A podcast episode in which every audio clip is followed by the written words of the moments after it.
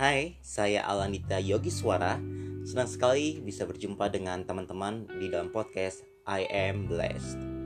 Dan di dalam podcast ini, saya rindu sekali berbagi kepada teman-teman sebuah topik renungan yang berjudul kekuatan dari sebuah pengharapan.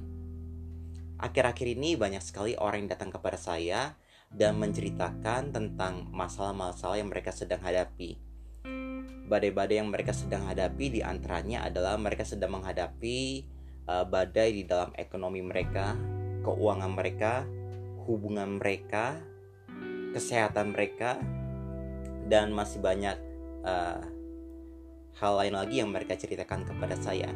Tetapi ini yang sering kali saya sampaikan kepada teman-teman, sahabat saya yang sharing dan cerita kepada saya. Saya sering sampaikan kepada mereka bahwa jangan pernah berhenti untuk berharap. Mengapa pengharapan itu penting? Karena saat kita berharap kepada Tuhan, maka kita akan temukan kekuatan. Saat kita berharap kepada Tuhan, maka kita akan temukan jalan keluar.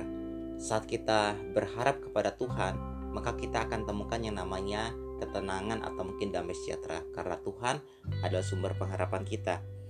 Saya akan bacakan firman Tuhan dari kitab Ibrani pasal yang ke-6 ayat 19. Pengharapan itu adalah sau yang kuat dan aman bagi jiwa kita yang telah dilabuhkan sampai ke belakang tabir.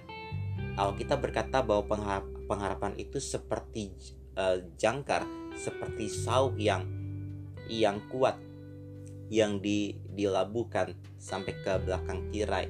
Ini bicara tentang ruang maha kudus. Artinya apa? Pengharapan kita di dalam Tuhan Yesus ada pengharapan yang pasti.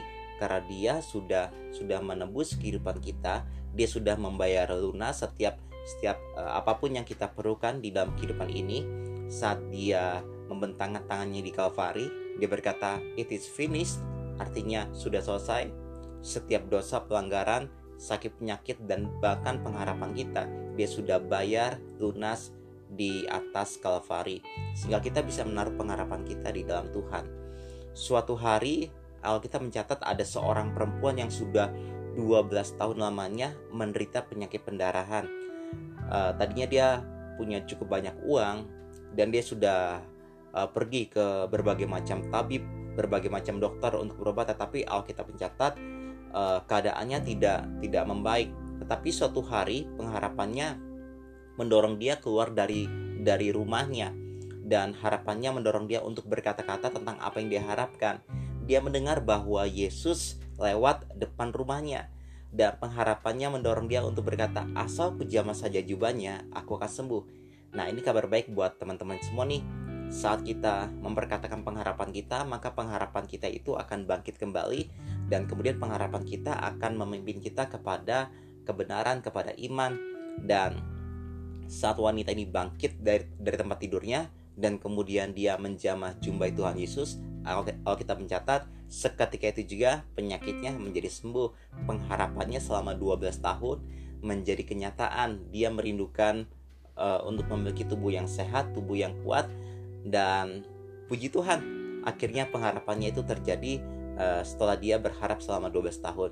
Jadi apa pun yang sedang teman-teman hadapi saat ini, apakah teman-teman sedang menghadapi badai di dalam keuangan, di dalam hubungan, di dalam uh, kuliah, karir, pekerjaan, saya mau sampaikan ada sebuah kekuatan di dalam pengharapan.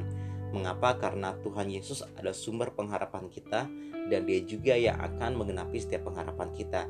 Jadi jangan pernah berhenti untuk berharap, jangan pernah berputus asa. Asa itu kan bicara tentang pengharapan, jangan pernah berputus asa. Jadi saat kita berharap kepada Tuhan, maka saya yakin pengharapan kita itu akan akan segera terwujud.